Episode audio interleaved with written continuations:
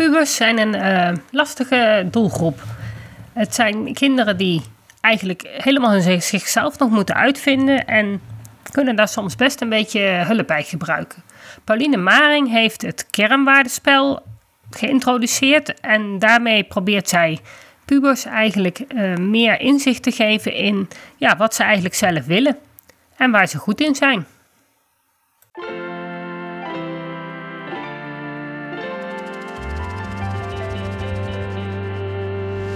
Welkom bij de Beelddenkers podcast.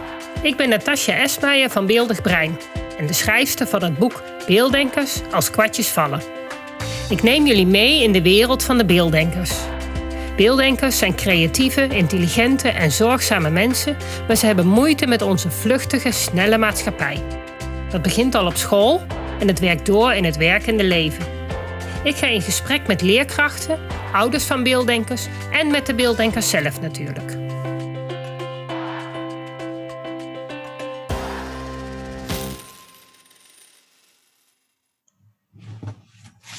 Hey, Natasja. Hey.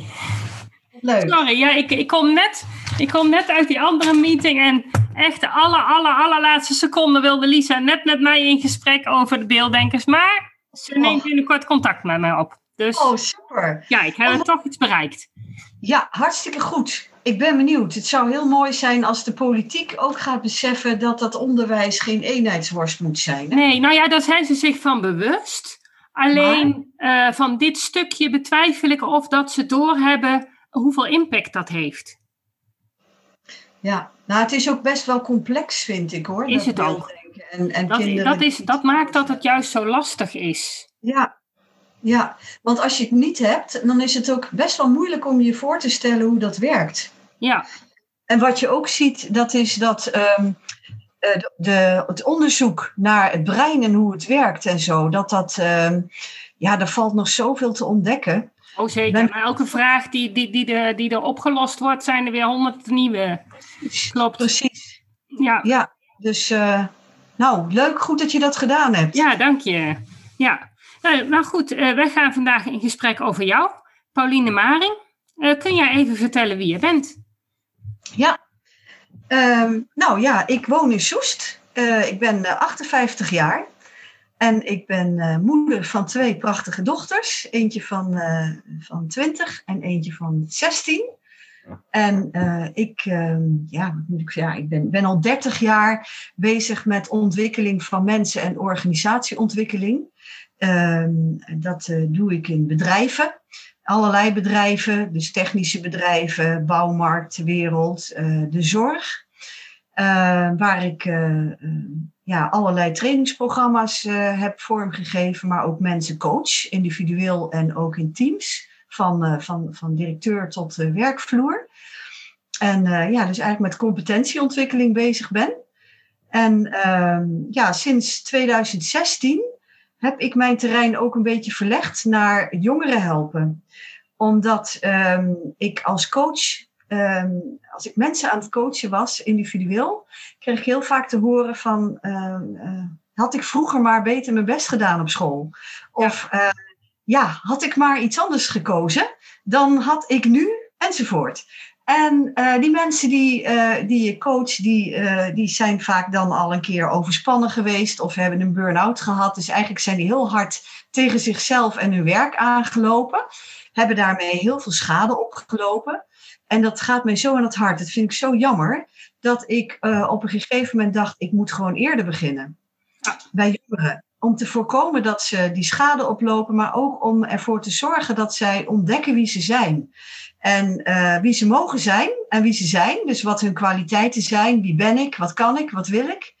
En uh, ook ontdekken welke, welke toekomstmogelijkheden ze hebben in een wereld die op dit moment heel, heel snel verandert. Door technologie, ja, robotisering, noem maar op. En dat ben ik gaan doen. En uh, ja, ik heb, uh, ik heb als uh, achtergrond, ik ben pedagoog. ik heb sociale pedagogie gestudeerd en ben ja, eigenlijk in het bedrijfsleven terechtgekomen. En ik ben creatief therapeut beeldend vormen. Um, ben zelf een heel creatief mens, creatief denker. Ik heb ook altijd van jongs af aan ben ik creatief geweest in dingen maken. En ik vind ehm, creativiteit is een ontzettende belangrijke competentie om te hebben en te ontwikkelen. A, voor jezelf, omdat het, je, het geeft je heel veel energie en plezier. Het geeft je ook heel veel mogelijkheden in, in het oplossen van problemen. Maar het is ook een hele belangrijke competentie, zo niet de nummer één competentie, voor bedrijven. Op ja, dit zeker. Moment. Ja. Um, ja, dat, dat loopt uh, creativiteit en creativiteitsontwikkeling, creatief denken loopt ook als een rode draad door uh, mijn werk heen. Ja. En ben jij, denk jij dan van jezelf dat je dan ook een beelddenker bent? Ik vind dat lastig, want ik heb even op jouw website gekeken over beelddenken ook. En ik heb me daar ook wel in verdiept. Ehm, en um, ik zie aan de ene kant dat beelddenkers uh, last hebben van hun andere manier van denken, maar dat heeft ook met hun omgeving te maken, die niet zo denkt. Ja, het is vooral het systeem waar je in moet passen, wat niet ja, past. Precies. Ja, ja precies. Um, ik denk wel in beelden, maar ik heb zelf nooit problemen ermee gehad. Nee, maar het is ook niet zo dat als jij een beelddenker bent, je altijd per se problemen moet hebben. Dat, nee. dat idee heb ik ook altijd, dat uh, beelddenken dan heel erg negatief gezien wordt. Ja. Van, oh jee, dan heb, je, dan heb je allerlei problemen. Maar dat hoeft natuurlijk niet te zijn. Want niet elke beelddenker is hetzelfde. Nee. Als jij toevallig als beelddenker last hebt met inderdaad bijvoorbeeld het lezen, ja, dan kan het heel lastig zijn. Maar ik heb maar met Marion van der Kolwijk ook een podcastaflevering opgenomen. En zij is juist al vroeg, al, als, als kind al, was zij al met verhalen bezig. En zij was heel talig. Ik ook. Dat ze ook gewoon een beelddenker is. En dat is de andere kant van het geheel. Het is niet zo dat je dan, huppakee, beelddenker, dus heb je allerlei problemen. Nee, je bent meer dan alleen dat beelddenken. Ja, dat klopt. En, en uh, uh, ik kan me voorstellen dat het uh, voor mensen en voor kinderen een probleem is, omdat ze in een omgeving zitten waarin dat niet gestimuleerd of niet, er, niet gezien en niet benut wordt. maar ik vind het ook een enorme verrijking. Ja. Ik, ik zie alles voor me. Ik ben links, hè, linkshandig. Dus mm -hmm. ik word natuurlijk door mijn rechter hersenhelft aangestuurd. Ja, dus je zit goed. Ja, ja. ja. En, ja, en ik heb altijd, uh, ik ben altijd creatief bezig geweest. Uh, tekenen, schilderen, van alles uh, knutselen en zo. Ik werd daar ook in gestimuleerd van huis uit. En ook de opleidingen in die richting gedaan. Um, um, maar wat, wat, ik denk dat, ik, ik, ik hoop dat alle beelddenkers ontdekken. Dat hun creativiteit, dat dat een enorme rijkdom is. Ja, ja als die de kans krijgt om te ontwikkelen. Want die creativiteit kan natuurlijk heel erg zijn dat je met je handen dingen kan maken. Maar creativiteit kan natuurlijk ook zijn dat jij in je hoofd heel veel, uh, in de wetenschap heel veel dingen kan bedenken. Ja. Dus in de wiskunde of de natuurkunde of juist op taalgebied. Dat ja. je echt een woordkunstenaar kan worden. En dan wil helemaal niet zeggen dat je op dat moment ook nog goed kan tekenen. Nee, precies. Dus de creativiteit uh, kan je op alle vlakken hebben. Je kan ook uh, heel, heel goed kunnen musiceren of, uh, of componeren. Of inderdaad, wat jij zegt, hele prachtige beeldende verhalen, boeken schrijven. je kan ook creatief denken. Dus dat je voor een lastig probleem eigenlijk heel snel tot oplossingen komt ja. die andere mensen niet zien ja, vaak uh, het, het, denkproces verloopt anders. Dat heb ik ook. Uh, dat, dat loopt niet lineair, van hoe kom ik van A naar B.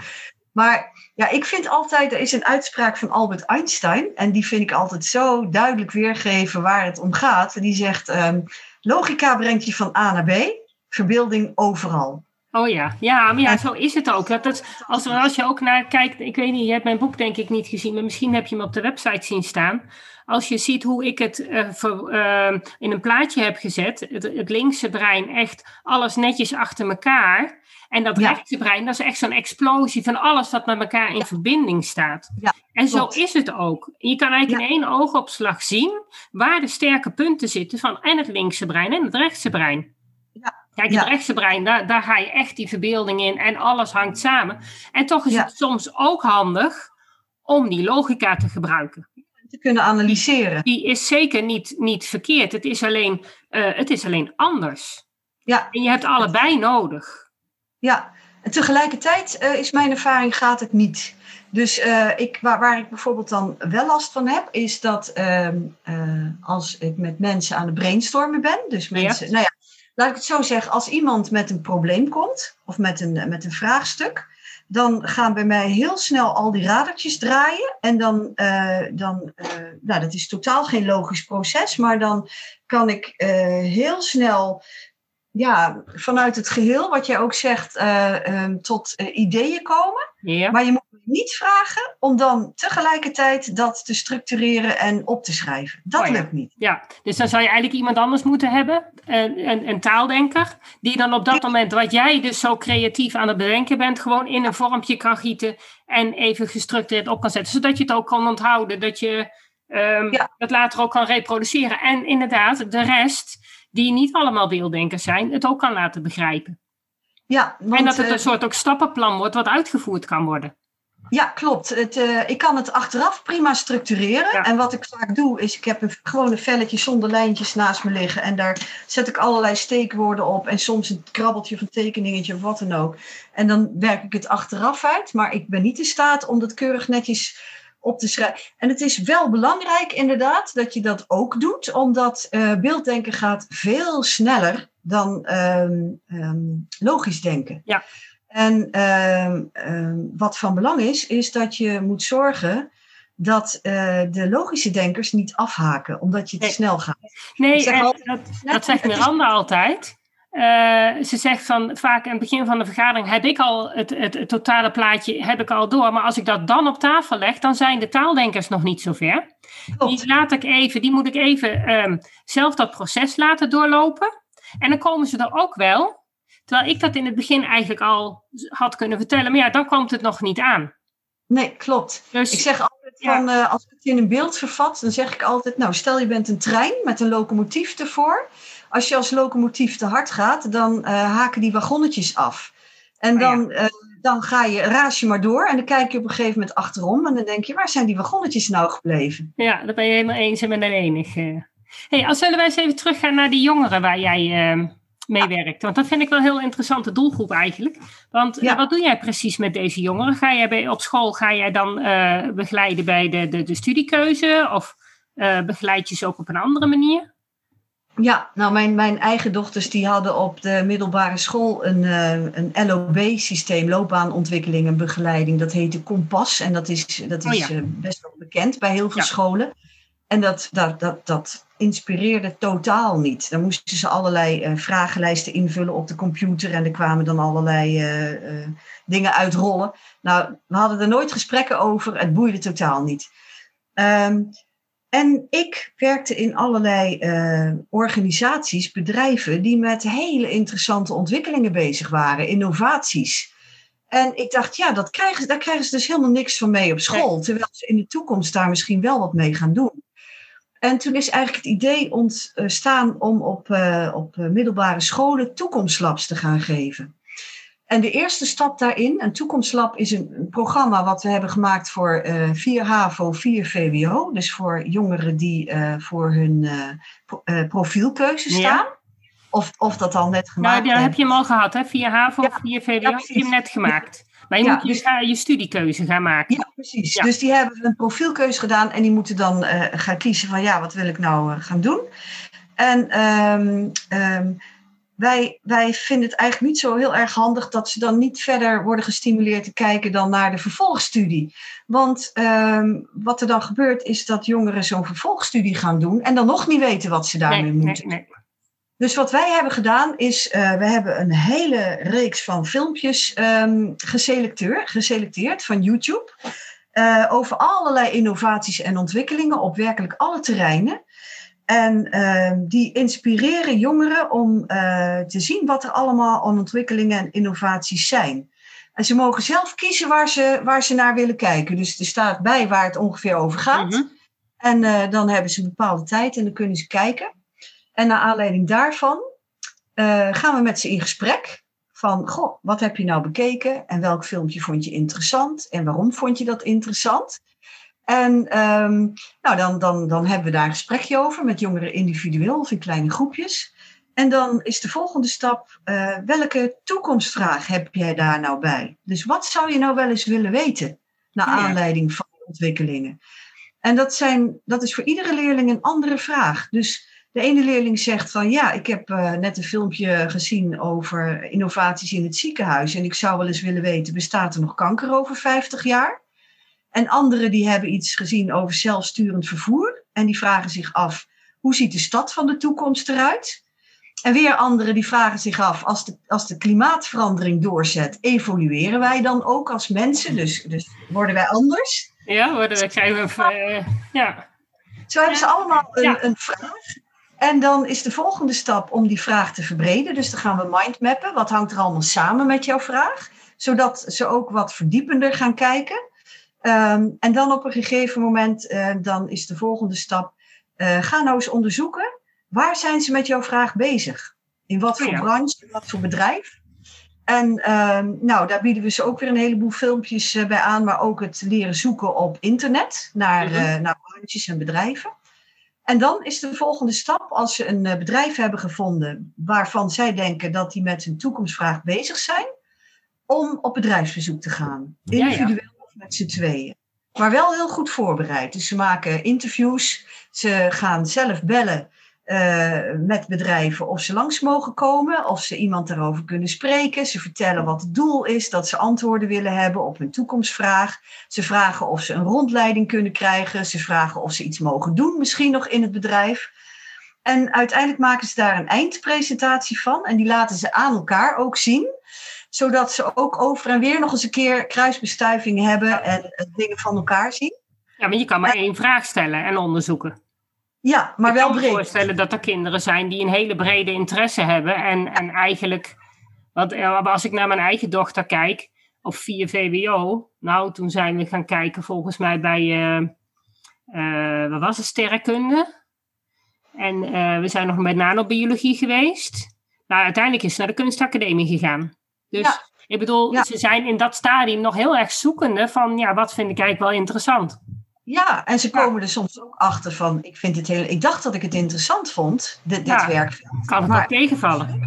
Ik wil het helemaal niet. Nee, nee, nee. Dus je zou eigenlijk, je hebt gelijk, eigenlijk, kijk, we doen dit nu voor 4 VWO en 4 HAVO, maar eigenlijk zou je dit al vanaf de brugklas moeten doen, zodat je jaarlijks momenten hebt waarbij je zo'n toekomstvraag kan gaan onderzoeken.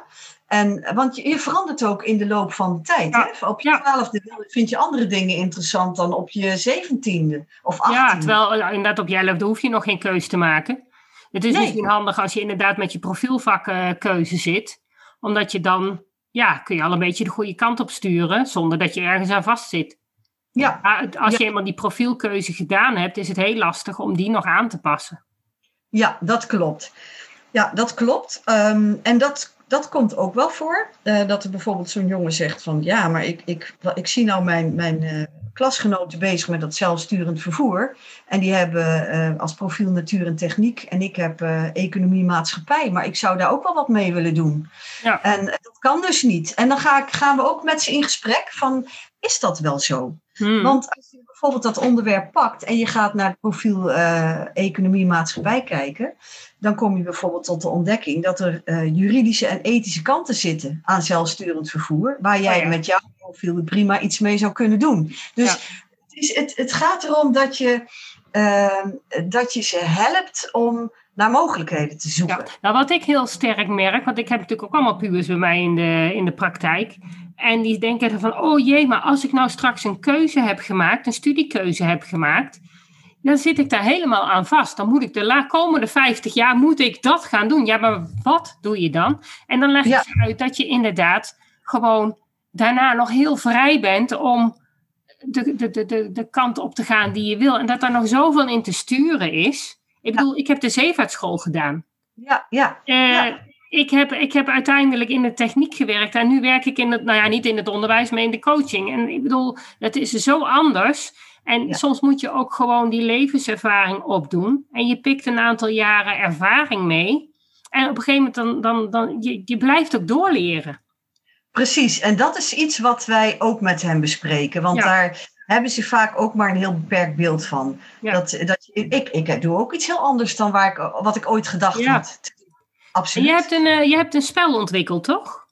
Ja, want um, nou, ik heb over dat toekomstlab uh, verteld. En um, um, we hebben gemerkt dat het uh, lastig te organiseren is voor scholen. Het bestaat uit een aantal modules. En ehm, ja, dus, dus hoe organiseer je dat binnen het bestaande curriculum? En dat heeft ons eigenlijk op het idee gebracht om een aantal dingen die wij doen te gaan gamificeren. En als je het dan hebt over die drie vragen, wie ben ik, wat kan ik, wat wil ik, hebben wij voor die eerste vraag, wie ben ik, hebben wij inderdaad een kernwaardespel uh, gemaakt. Uh, en dat is een spel wat je om de tafel kan spelen.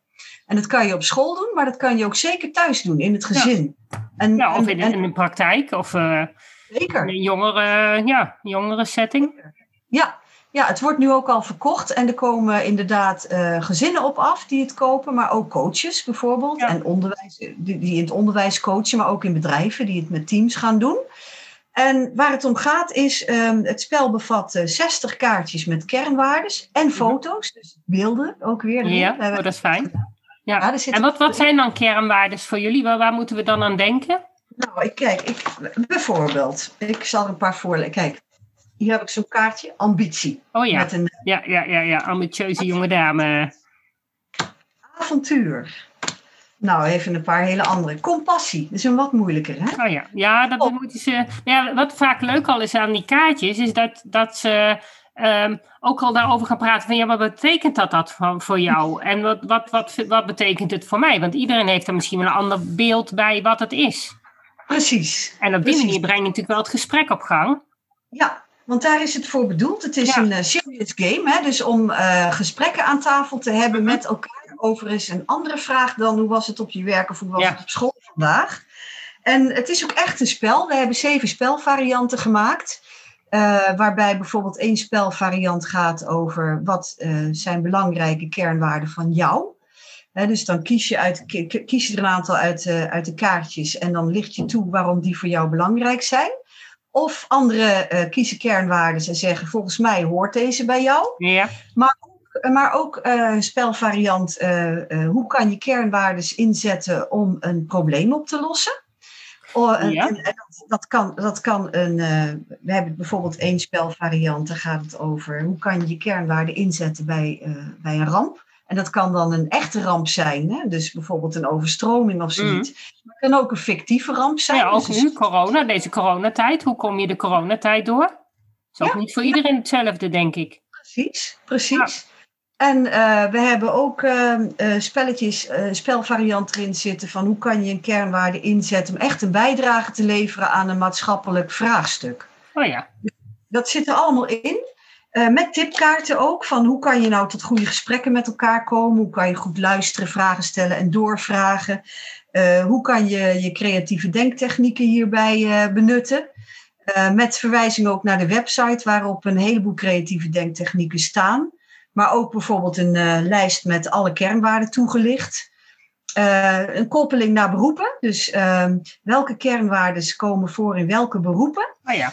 Um, met ook een link naar onze website waarop een, uh, een um, site staat met allerlei beroepen.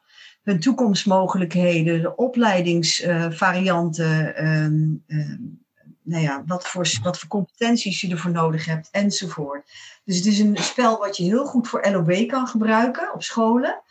Uh, maar ook gewoon om thuis uh, met elkaar uh, is het over wat anders te hebben ja. dan de dagelijkse dingen. Het leidt tot verbinding en waardering voor elkaar. we horen van gezinnen van, goh, we kennen elkaar eigenlijk best wel goed, maar we horen toch weer hele verrassende dingen van elkaar die we niet wisten. Ja, ja dat geloof ik. Ja, ik denk zeker zo. als je kinderen ouder worden, dat je op deze manier ze ook wat makkelijker serieus kan nemen. Dat je wat ja. gelijkwaardiger wordt binnen het gezin. En ik denk dat dat een proces is wat, wat ook voor de ouders belangrijk is. Ja, dat klopt. je op een gegeven moment merkt van hé, hey, maar mijn, mijn zoon en dochter die zijn, ja, die hebben nu de leeftijd 15, 16 bereikt, die, die hebben ook wat te vertellen. Ja. En die zijn hun eigen persoonlijkheid. Ja, precies. Maar je zou, als, als ze jong zijn, ja, dan leid je ze nog een beetje door het leven heen. Maar op een gegeven moment doen ze dat zelf. Ja, en heel vaak weten we daar nauwelijks wat van. Hè? Want we leven ja. allemaal vluchtig en we zitten allemaal op onze mobieltjes. En uh, uh, nou, dit, dit gesprek opent eigenlijk mogelijkheden om het met elkaar te hebben over wat vind jij nou belangrijk in je leven? En uh, wat zou jij graag willen? En, en om gesprekken te voeren op basis van gelijkwaardigheid tussen ouder en kind. Ja. En ja, dat, ja, de pubers die, die dit uh, met hun ouders doen, die zijn ook heel enthousiast over dat ja, spel. Ja, ik kan me voorstellen dat ze ook van hun, van hun ouders dingen horen die ze ook nooit geweten hebben. Ja. Want als, Ja. als kind weet je niet wat jouw ouder vroeger allemaal dacht en deed en meegemaakt heeft en, en hoe die is gekomen tot het punt waar die nu is. Ja, dat En dat is ook voor iedereen anders natuurlijk. Maar dat is voor die pubers natuurlijk ook wel een hele nieuwe wereld die open gaat. Omdat ze ja, daar eigenlijk nooit geen weet van, nooit belangstelling voor gehad hebben waarschijnlijk. Het, het is een gegeven, ouders, je, je vader en je moeder, die zijn er nou eenmaal. En Ja. daar zit je mee opgescheept. Eh, ja, dat, dat, dat is gewoon eh, zoals het loopt. Maar Ja, het is wel klopt. leuk als je daar inderdaad ook wat meer over te weten komt. En dan Ja. kan ook heel veel dingen relativeren natuurlijk, hè? Oh ja, Ja. daar hadden ze vroeger ook last van, maar dat is ook goed gekomen. Ja. Ja, en wat je ook ontdekt is bijvoorbeeld hoe creatief je kind is. Dat je, eh, als je met die spelvariant van een eh, probleem oplossen. En dat moet dan binnen een bepaalde tijdsduur, duur moet je bijvoorbeeld vier, vijf verschillende ideeën bedenken. Nou, je staat er soms versteld van dat je denkt van, jee, wat, wat, een, wat een goede gedachte of wat een diepe gedachte, wat een ontzettend goed idee. Het, is, ja, het is zo Eh, leuk. en heb je wel aan gedacht, want ik heb ook heel veel beelddenkers bij mij in de praktijk die juist heel sterk van die tijdsdruk eh, blokkeren. Oké, ja, ze zijn niet allemaal met... met Nee, eh, nou ja, je kunt natuurlijk zelf het spelregels aanpassen. precies. Maar dat is wel iets wat ik hier heel sterk merk. Als eh, tijdsdruk, dat, dat is niet iets waar ze vrolijk van worden. Nee, Maar merk jij Nee. nou ook dat jij dat meer verkoopt aan mensen, aan beelddenkers dan, of aan- dan aan taaldenkers? Of, of heb je daar geen zicht op? Nee, dat, dat, dat kan ik niet zeggen. Nee. Nee. Nee, Nee, ik- dat op school ook natuurlijk klassikaal. Ja, dus Ja. Ik, dat weet ik niet. Maar we hebben Nee. wel heel bewust, ehm, doen wij bij alles wat we maken, eh, doen wij, maken we heel veel gebruik van beelden. Ja. Filmpjes, eh, foto's. ehm, Ja, sowieso van deze tijd. Hè? Alle jongeren zijn gewend aan beelden en, en, filmpjes om, om, om informatie tot zich te nemen. Ja, Werkt op Ja. zich ook heel goed natuurlijk. zeker. Ja, het is heel verrijkend, vind Ja. ik. Dus, ehm, nou ja, we gaan, we gaan dus bijvoorbeeld Toekomstlab, eh, zijn we net gestart met de ontwikkeling om dat ook te gaan gamificeren. En dan in, eh, dus, dus spellen van te maken van al die stappen. En dan dat ook als losse, eh, de, de- dus dat bijvoorbeeld de school zegt, ja, ik vind het een interessant programma, maar ik wil alleen het blokje toekomstvraag formuleren. Want voor de rest heb ik al wat. Ja. Dus dat ze zeg maar die losse stukjes ook kunnen afnemen, of het geheel. Maar dan, dan wordt het allemaal ook wat flexibeler. En dan kunnen ze dat bijvoorbeeld tijdens mentorlessen eh, gaan doen. Ja, een beetje Eh, klassenbinding. eh, dat is natuurlijk ook zo'n groepsbinding. Is ook wel prettig. Zo begin van het jaar hebben ze vaak van die, van die lessen waarop ze elkaar moeten leren kennen. Ze natuurlijk ook Ja. voor kunnen gebruiken.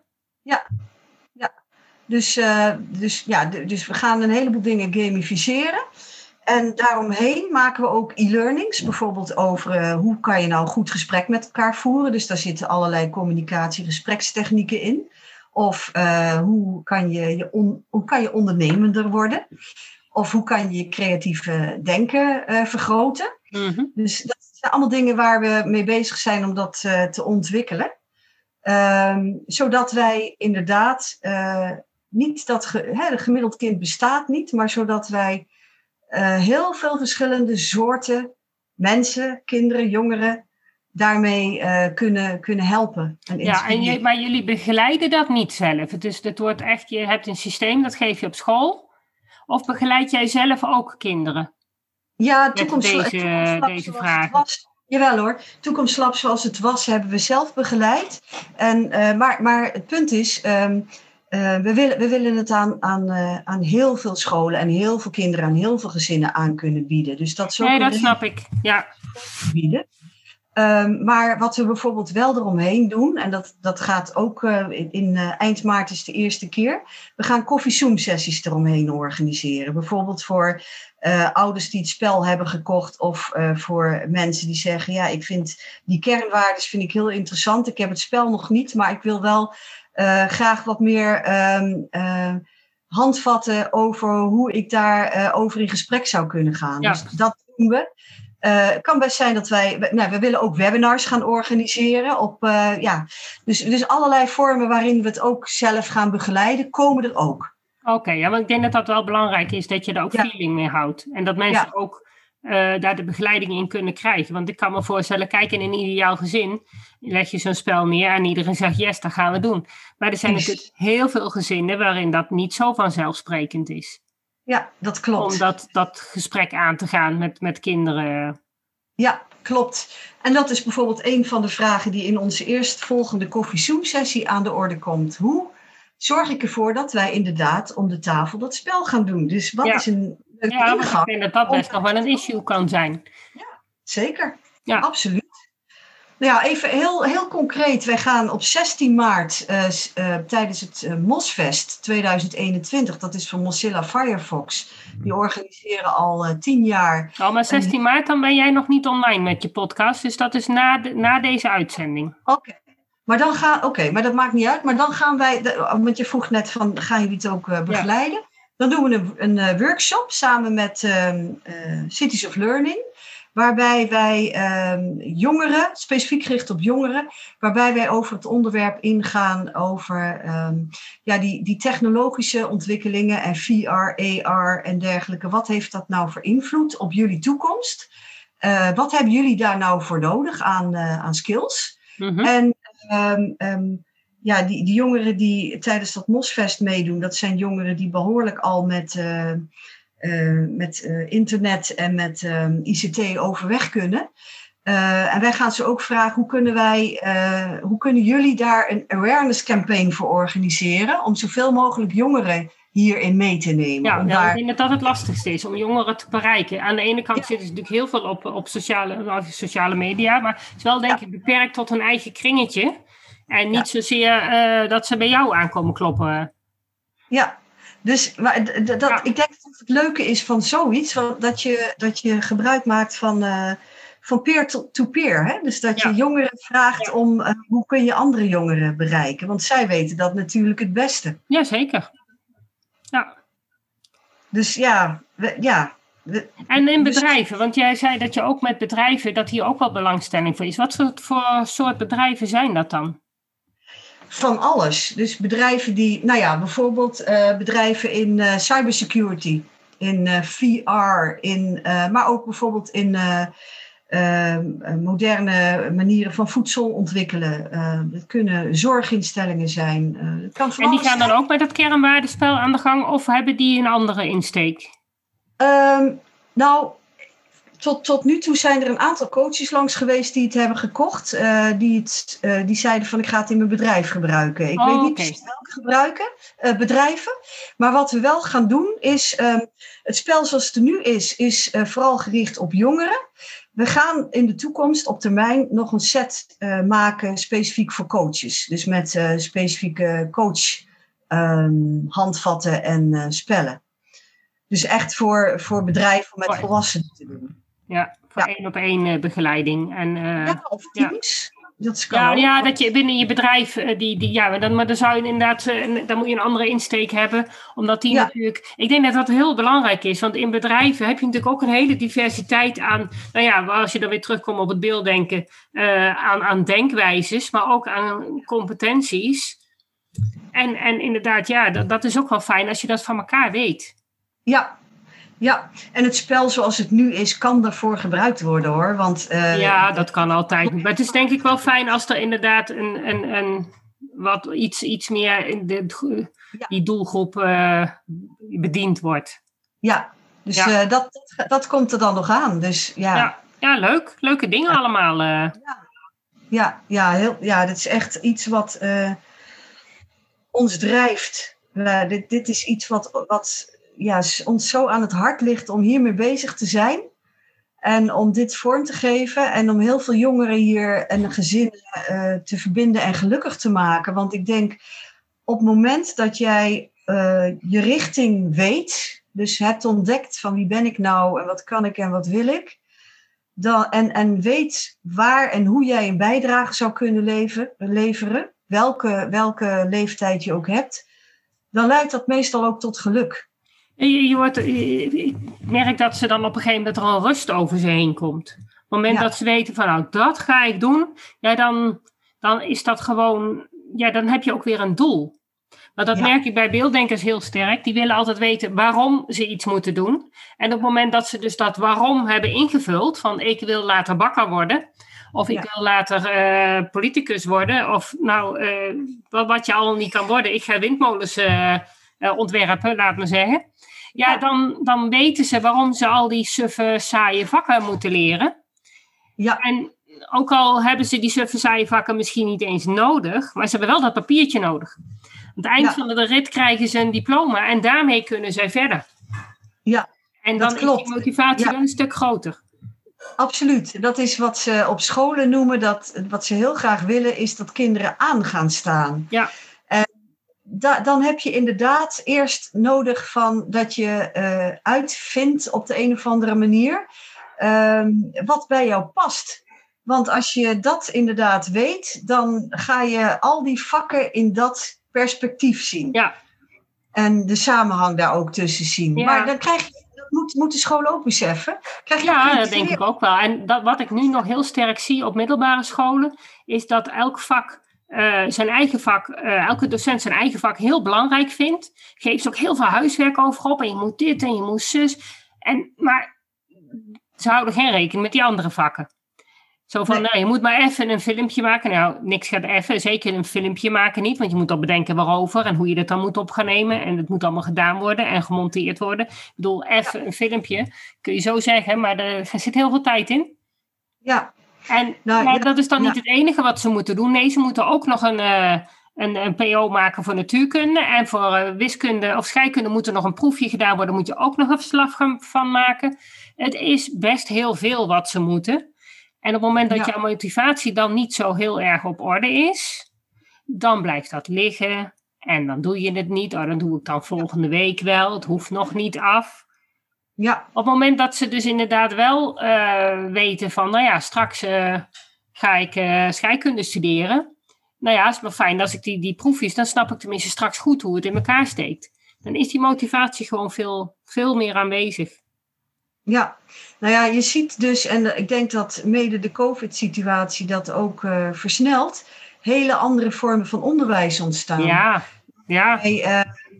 En, en daar zijn wij ook mee in contact uh, wereldwijd. een heel mooie nieuwe vorm is bijvoorbeeld Learn Life. Dat is gestart in Barcelona. En dat noemen ze ook geen school, dat heet een hub. En daar zijn diverse ruimtes ingericht waar jongeren kunnen snuffelen in het eerste jaar. Dus bijvoorbeeld een ruimte waar ze ICT, op, alles op ICT-gebied kunnen doen, of een maakruimte of een muziekruimte. Of, hè, zo zijn er verschillende ruimtes. Daar mogen ze eerst mee experimenteren. En dan worden ze begeleid door mensen uit de praktijk. Dus als je bijvoorbeeld in de maakruimte iets wil leren bouwen, word je begeleid door een echte architect. En uh, dan, dan maak je dus ook niet zomaar iets. Hè. Het wordt ook geleerd dat het aan allerlei eisen moet voldoen. En dan na een jaar, dan, dan heb je een beetje een beeld van in welke richting jij het zou moeten zoeken. En dan ga je daarmee door. En die, die hub die is heel erg open. Dus ouders die zijn daarbij betrokken. Ja, eigenlijk, eigenlijk staat het midden in de samenleving. Okay.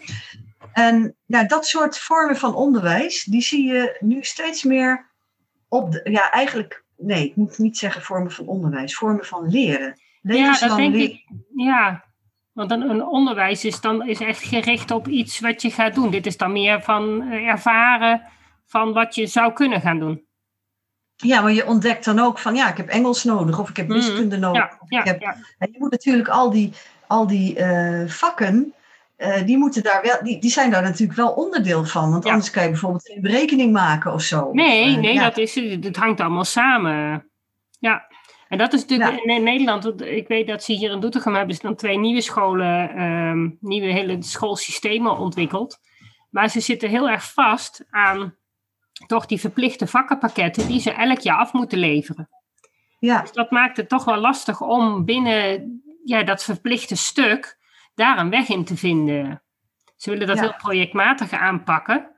Maar ja, je moet verplicht uh, uh, Frans geven aan 3 HAVO, tot en met 3 HAVO. Ik bedoel, er zijn allerlei beperkende maatregelen, in, in, vooral in Nederland dan, Waarbij je wel, ja, en je zit nog steeds in die leerplicht vast. Ze moeten nog minstens zoveel uren per, per week of per, per jaar naar school. Dat, dat je eigenlijk als school heel beperkt bent in wat jij aan alternatieve leermethodes kan aanbieden. Ja, ik hoop wel dat dat verandert, want uh, technologisch zijn er natuurlijk al heel veel mogelijkheden. Uh, jongeren kunnen heel veel dingen, waar ze ook zijn en wanneer dan ook, online uh, opzoeken en leren. En er speelt zich ook een dergelijke leven af buiten school. Als ik kijk naar mijn eigen dochters, wat die allemaal naast school ontdekken en opzoeken over dingen die hen interesseren, van sterrenkunde tot architectuur. Ja, alles maar kunnen ze opzoeken.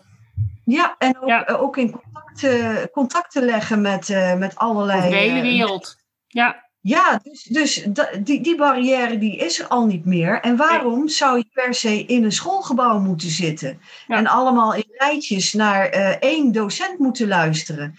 Nou, je ziet ook al nieuwe vormen van gebouwen ontstaan waar dat helemaal niet meer aan de hand is. Nee, nee ik uh, denk dat dat een hele goede ontwikkeling is. Dat er gewoon, uh, dat dat echte schoolse leren en ook, de, eh, ook wat ze moeten leren. Um, er zitten dingen bij waarvan je zegt, van, ja, leuk dat je het, dat je het uh, moet leren, is misschien goed voor je hersenen, maar ja, je kan het gewoon opzoeken.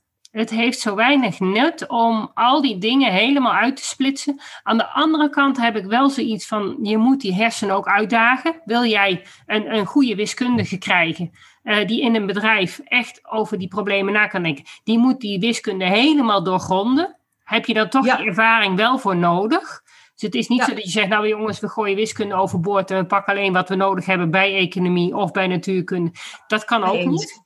Maar de manier waarop het nu gebracht wordt, is echt wel onderhevig aan, aan, aan, aan ja, het is wel erg ouderwets. Ja. Dat kan echt veel makkelijker. Waarom zou je het niet allebei tegelijk doen? Dus dat je, dat je al, al, al op 12, 13-jarige leeftijd of eerder hè, wordt uitgedaagd om mee te doen aan bepaalde uh, ontwikkelingen die in bedrijven plaatsvinden. Als challenge. Hè? Dus dat, mm dat, ook de volwassenen beseffen van ja, die jongeren die hebben uh, andere skills en competenties en een andere kijk op de wereld, een hele frisse blik. Uh, laten we die erbij betrekken en meedenken. Gebeurt ook hè, op het technasium. Precies, precies. Ja. hartstikke mooi. Ja. En, en onderwijl, om dat te kunnen, moet je een aantal dingen, kennis, kennis en, en vaardigheden in huis hebben. Ja. Dus ik denk wel dat je een beetje zit met het probleem dat je, uh, je hebt techniek, je hebt natuurlijk ook talen, je hebt al heel veel verschillende vakgebieden. Uh, het is lastig, denk ik, om ze op al die gebieden, want ja, je moet een kind heel, ja, het is middelbaar algemeen onderwijs, ze moeten van alles een heleboel weten. Um, kijk, op het gebied van techniek kan dat, maar als je dat op het gebied van techniek gaat doen, dan kost dat zoveel tijd. Als je dat dus ook nog op taalgebied wil gaan doen, dan kost dat nog meer tijd dan wordt het wel lastig om al die vakken daarbij te betrekken, denk ik. Ja, maar ik denk dat je het idee dat je alleen, uh, dat je, uh, alleen op een bepaalde leeftijd op school zit los moet laten. Het, het gaat naar een leven lang leren toe en een voortdurende flexibiliteit. Want om de vijf jaar ziet de wereld er totaal anders uit. Ja. En moet je dus gaan kijken hoe je daarin past. Dus je moet ophouden met te denken van je zit van je vierde tot je, nou ja, weet ik veel, uh, eh, 22e pak weg even op een opleiding en daarna ga je werken. Dat moet je gewoon helemaal los. Ik denk dat je daar toch al een beetje. Kijk maar naar ons. Wij hebben ook alweer van alles en nog wat uh, zelf verder ontwikkeld. Uh, Precies. Dat, vroeger was.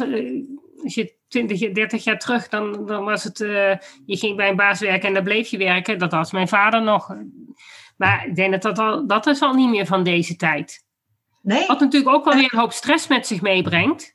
Want ja als, als werknemer ben je heel flexibel in van ja, sorry, ik ga wat anders doen, ik vind het niet meer zo leuk, ik eh, ga mezelf verder ontwikkelen. Uh, maar een werkgever denkt het precies zo, die denkt nou, we gaan de boel eens even op de kop zetten en uh, hoppakee, die ont ik ontsla de helft. Waardoor je als werknemer ook die onzekerheid hebt van ja, uh, ben ik over vijf jaar hier nog wel aan het werk? Ja. Zal ik nou, maar vast wat anders gaan zoeken, want straks ben ik niet ontwikkeld genoeg. Nou, ik denk niet per se iets anders zoeken, maar ik denk dat je dus een flexibel brein moet hebben, waarbij je, uh, terwijl je wat je ook doet, constant kijkt over wat zou de volgende stap kunnen zijn in dit proces? Of wat zou je er nog meer mee kunnen doen? Daarom is het creatief denken zo belangrijk. Want op het moment dat je dat kunt, dus dat je, uh, dat je voor uh, uh, een, een ervaring waar je in ziet, zit, meerdere toepassingsmogelijkheden ziet, dan, dan creëer jij je eigen mogelijkheden, je eigen ontwikkelingsmogelijkheden. En natuurlijk zal je ook een aantal keren waarschijnlijk veranderen van werkgever of zoiets, hè, of mhm. ondernemer worden of wat dan ook. Maar um, dat, is, dat is eigenlijk wat, uh, wat we vragen nu van mensen. Ja, Zowel maar als, als, als ik dan ga denken naar de, de, de metselaars, de bakkers, de, um, gewoon de, de, de beroepen die er ook gewoon die heel belangrijk zijn. Ja, ja daar zeker. is het wat lastiger, denk ik. Nou, ik denk dat je, ik denk dat uh, je ook binnen de, de mensen die echt een vak hebben geleerd, mm -hmm. en dus heel gouden handen hebben, zeg maar, ook, ook die vakken die evolueren.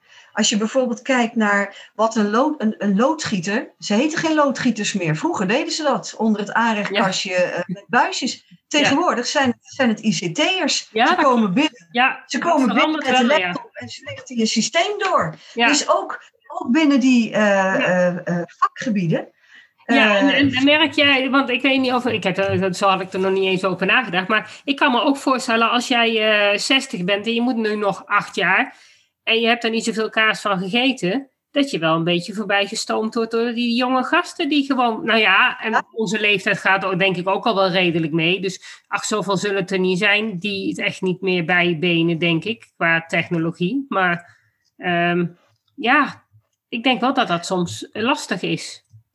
En daarom zou het zo fantastisch zijn als er meer wordt samengewerkt tussen al ja, die nee, Ja. Want je hoeft niet alles zelf te kunnen. Als jij, en daar komen de sociale vaardigheden of de, de competenties als kunnen samenwerken, uh, goed kunnen communiceren met elkaar, uh, goed, ja, al, al, al dat soort, dus de, de soft skills, die komen daar weer om de hoek kijken. Want uh, als jij in staat bent om de juiste mensen steeds om je heen te verzamelen, mm. om een bepaald probleem op te lossen, dan kom je er ook. Ja, oké. Okay. Nou ja, als, als, als een loodgieter die uh, als een, eens eentje op pad wordt gestuurd, die heeft natuurlijk niet de mogelijkheid om allerlei mensen om zich heen te verzamelen. Want dat, dat werk moet nu gedaan worden en over een half uur moet bij de volgende klant staan. Ja, ik ben ook dus... monteur geweest en ja, ik, ik kon wel iemand bellen, maar ik zal moest het toch wel echt zelf oplossen. Was ik heel creatief in en uh, was inderdaad vraagt veel van je, van je eigen uh, creatief denkvermogen. Maar je hebt niet de mogelijkheid om te zeggen, nou jongens, uh, ik heb hier een probleem, maar wie komt er even helpen? Dus nee, ja, je zult dat wel zelf moeten doen. Ja, dat, dat niet misschien, maar je kan natuurlijk wel. Ik denk wel, dat, dat hoop ik tenminste, dat de meeste mensen die tegen iets aanlopen, een probleem, um, en dat niet weten op te lossen, dat die op zoek gaan. Het zij via mensen die ze kennen, dus via een mm. netwerk, het zij via Google of wat dan ook, hè, via internet, naar wat, wat zou kunnen doen om het anders te doen of om het op te lossen. En dat ze het dan in ieder geval de volgende keer kunnen. Ja, dus ja zeker. Ja, zo leer je jezelf weer. Ja. Je bent gewoon altijd aan het leren. En ik denk als je daarvoor open staat, dat het leven gewoon altijd goed gaat. Daar kun je wel tegenslag hebben, maar als zodra jij in staat bent om gewoon van elke tegenslag toch weer wat positiefs te maken, ja, dan lukt het wel. Maar eh, daar hebben we gezien nu in de coronatijd. Als je ziet hoe, hoe flexibel mensen zijn, hoe creatief mensen ineens zijn. Uh, ja. ja. we zijn met z'n allen hebben wel heel, heel veel geleerd natuurlijk, hè? En ook in het onderwijs. Dat je inderdaad zegt, onderwijs moet anders. Maar wat denk je van dat online lesgeven? Ineens kon dat, in één week. Ineens kan het wel, hè? Er zitten, er zitten weet ik voor hoeveel kinderen thuis. Daar was niks voor mogelijk. En ineens komt er een, iets anders en het kan allemaal wel. En ja. dan heb ik zoiets van, ja, het had dus al wel eerder gekund, alleen dan moet je wel willen. En ik denk dat we dat stukje in het onderwijs ook mee moeten gaan nemen. Van het hoeft niet voor elk kind hetzelfde. Maar op deze school kunnen er ook een aantal kinderen zijn die gewoon op een alternatieve manier les krijgen. Ja. Mijn dochter die heeft last van autisme. En die, die, ja, die redt het gewoon niet om elke dag van de week de hele dag naar school te gaan. Dat, dat, dat trekt ze gewoon niet. En die heeft dus nu vanwege corona de mogelijkheid om elke dag een halve dag fysiek aanwezig te zijn en de rest van de uren online thuis te volgen. Nou zit je een beetje met de reistijd, dus ze mist daardoor wel vakken. Maar voorheen, dus voor corona, miste zij gewoon dus de helft van de vakken. Ja. Nu, nu in volledige online les volgt ze gewoon alle uren, dus dat is nog beter voor haar. Ja. Maar goed, er, is, er zijn dus hybride mogelijkheden. Absoluut, absoluut. En dat betekent gewoon, en dat is heel belangrijk, dat uh, jongeren en kinderen op school ook gehoord, gezien en gewaardeerd moeten worden. Ja. Uh, dus, dus dat ze niet uh, alleen maar um, gewaardeerd worden om de goede cijfers die ze halen. Mm. Dat, dat, dat ze echt gezien worden en dat er in, die, in die tien minuten gesprekken of wat dan ook, in de, in de mentorgesprekken, um, um, aan hen gevraagd wordt: hoe gaat het nou met jou en wat heb jij nodig en hoe zou het beter voor jou georganiseerd kunnen worden? En dat ze daarin ook uh, echt, dat, dat er dan ook echt iets mee gebeurt. En ik, ik merk dat ook dat, met, mijn jongste dochter kan er al veel meer dan toen mijn oudste dochter op de middelbare Ja, dus die, wat dat betreft maakt het onderwijs al zeker een hele grote inhaalslag hoor. Ja. Van, van coachend ja. mentoraat. En uh, ja, er wordt denk ik al steeds meer naar de leerling gekeken. Ja. Want we brengen dat... het aan de ene kant natuurlijk een beetje negatief, maar aan de andere kant er is ook al heel veel gaande. En ik ja. denk dat we dat ook wel moeten waarderen, want het is niet zo dat het allemaal kommer en kwel is. Alleen er is nog wel een, een grote inhaalslag te maken. Want ja. uh, docenten zijn het toch ook wel heel lang ge, uh, gewend om het op hun eigen manier te doen. Terwijl er blijkt dat het toch op een andere manier uh, nog beter kan. En er is al wel inderdaad, ik denk dat het per school verschillend zal zijn. Ja. Maar er ja. wordt al wel steeds meer naar jongeren gekeken. Ja, dan komen we toch weer op jouw kernwaardespel. Het is natuurlijk ook voor de, voor de, voor de mentor van belang dat, dat de leerling uh, weet uh, wat hij wat hij kan en wat hij wat hij wil. Want ja, hoe makkelijker, als, hoe beter de leerling in zijn vel zit, hoe makkelijker de docent het heeft. Ja, en ik denk dat daarom het ook niet verkeerd is als docenten zelf het spel ook gaan spelen. Uh, dus ervaren hoe dat is en ja. die gesprekken te voeren, ook ja. met elkaar. Dus als team bijvoorbeeld. Ja, denk ik ook wel, ja. Dat ze ook van elkaar weer leren van, hé, hey, hoe ga jij daarmee om? En uh, hoe, hoe kan het makkelijker? En uh, nou ja, je hebt natuurlijk probleemklassen, dat is nou eenmaal zo. En, maar ja, hoe kun je dus als, als, als docententeam het zodanig voor elkaar krijgen dat die klas toch handelbaar wordt? Want vaak ja. is het heel goed kijken naar de onderliggende behoeftes van die, die, die, van die echt die individuele leerlingen. Als je dat, er, dat weet boven tafel te krijgen. En dan zul je toch echt naar die leerlingen moeten gaan kijken. Maar ook naar je eigen manier van lesgeven. Absoluut. Die, die Absoluut. bij deze leerlingen niet passend zijn.